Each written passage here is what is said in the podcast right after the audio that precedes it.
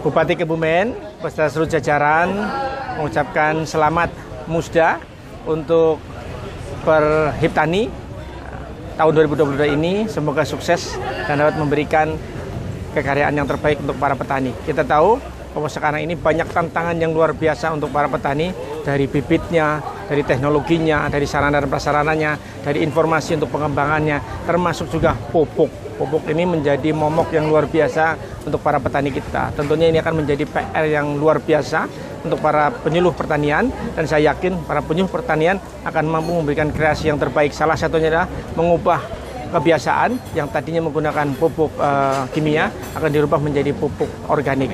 Karena kita tahu bahwa pupuk organik jauh lebih baik, tetapi memang perlu waktu untuk penyesuaiannya. Paling tidak satu ataupun dua tahun, insya Allah justru akan meningkat jauh lebih baik. Seperti di negara-negara yang lebih berkembang lainnya, seperti di India, sekarang sudah mengembangkan teknologi menggunakan pupuk organik kembali. Dan harganya juga akan jauh lebih baik. Untuk itu, para penyuluh pertanian, selamat melaksanakan musa sukses selalu dan jadikan Kebumen ini untuk karya bersama mewujudkan Kebumen yang semarak, sejahtera, mandiri, beralak bersama rakyat. Sukses selalu. Terima kasih.